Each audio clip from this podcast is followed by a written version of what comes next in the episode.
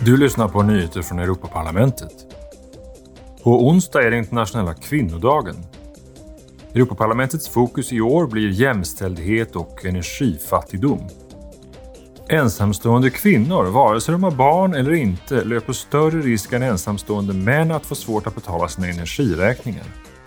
Det beror ofta på att kvinnor i snitt har lägre inkomster och oftare jobbar deltid eller har osäkrare anställning. 2020 låg inkomstklyftan i EU fortfarande på 13 procent.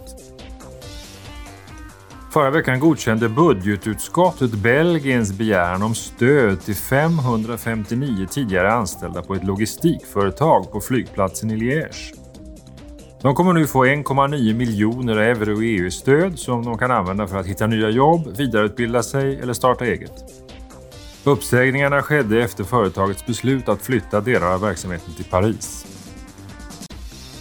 Den 9 och 10 juni strålar tusentals unga mellan 16 och 30 år från hela unionen samman på parlamentet i Strasbourg.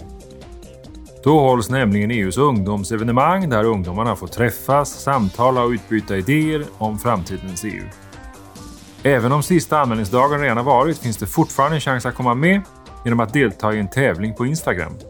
Dela en bild med hashtaggen EYE2023 Contest utan mellanslag så kan du och fem andra vinna resan dit.